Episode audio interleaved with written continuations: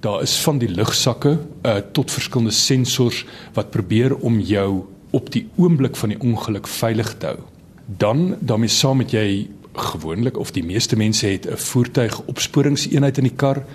Klomp van hulle is deesdae toegerus met sensors wat 'n impak of 'n baie vinnige verandering sal bemerk en 'n kontrolekamer sal laat weet van 'n potensiële ongeluk. Dan is daar tegnologie wat die versekeringsmaatskappye in plek gesit het wat uh driver behavior um, moniteer wat omtrent dieselfde tipe inligting deurstuur. Dan het jy ook selfoon toepassings waar die gebruiker dan kan vra vir nooddienste om te kom assisteer of nooddienste in kennis te stel van 'n ongeluk wat gebeur het. So jy het 'n klomp verskillende tegnologieë wat almal op 'n verskillende manier werk om jou te probeer help in so 'n situasie. Wanneer dit nou kom by iemand wat nou nie hulle selfoon kan gebruik nie. Iemand wat dalk bewusteloos is. Wat is in 'n mens se slimfoon ingebou want party versekeringsmaatskappye het die diens waar wanneer hulle nou agterkom dat die voertuig in 'n ongeluk was en die selfoon nie aangeraak word nie of hulle iemand bel en mense kom nou nie deur nie, dan weet hulle om nooit dienste soontoe te stuur. Wel ek dink in in so 'n geval is dit die tegnologie wat outomaties geaktiveer word.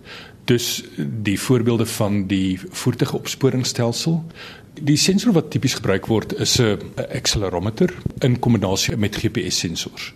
Dus die voertuig of hulle kan sien dat die voertuig teen argumente onthaalwe 120 km/h beweeg en ineens is daar in 'n kwessie van 'n 100 meter of 50 meter of selfs korter gaan die voertuig van 120 km na 0 km/h toe en op die accelerometer word G-forces gemeet wat buite sekere spesifikasies is wat dan vir hulle baie goeie aanduiding gee dat daar besmoontlik 'n ongeluk was.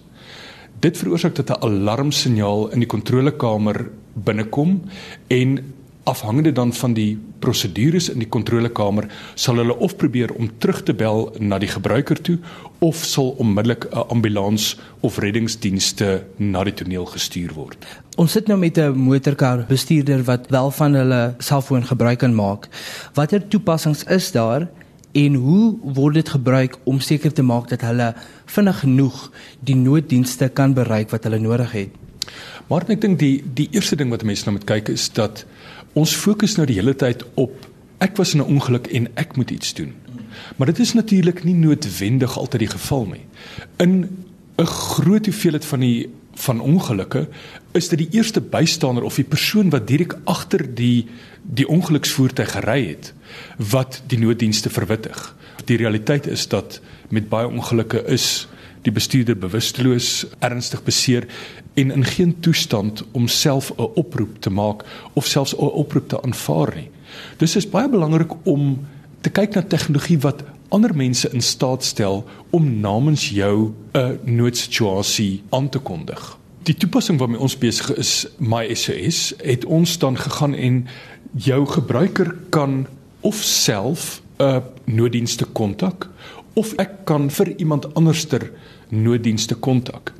En die eerste vraag wat 'n mens natuurlik het as 'n ongeluk gebeur het is nou wie bel ek nou?